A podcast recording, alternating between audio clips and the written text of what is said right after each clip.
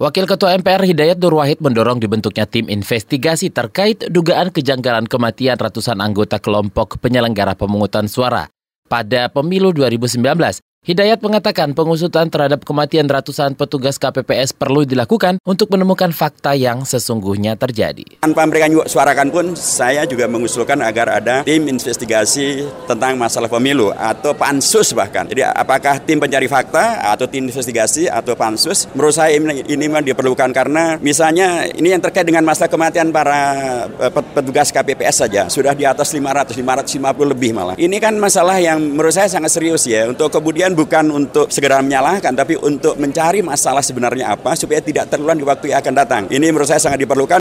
Hidayat Nur Wahid yang juga Wakil Ketua Majelis Syuro PKS menuturkan melalui tim investigasi atau tim pencari fakta diharapkan bisa lebih memperbaiki pelaksanaan pemilu di masa mendatang. Sebelumnya, pembentukan tim investigasi sudah digagas Wakil Ketua DPR Fahri Hamzah. Wacana itu digulirkan demi merespon informasi 450 orang petugas KPPS meninggal usai bertugas.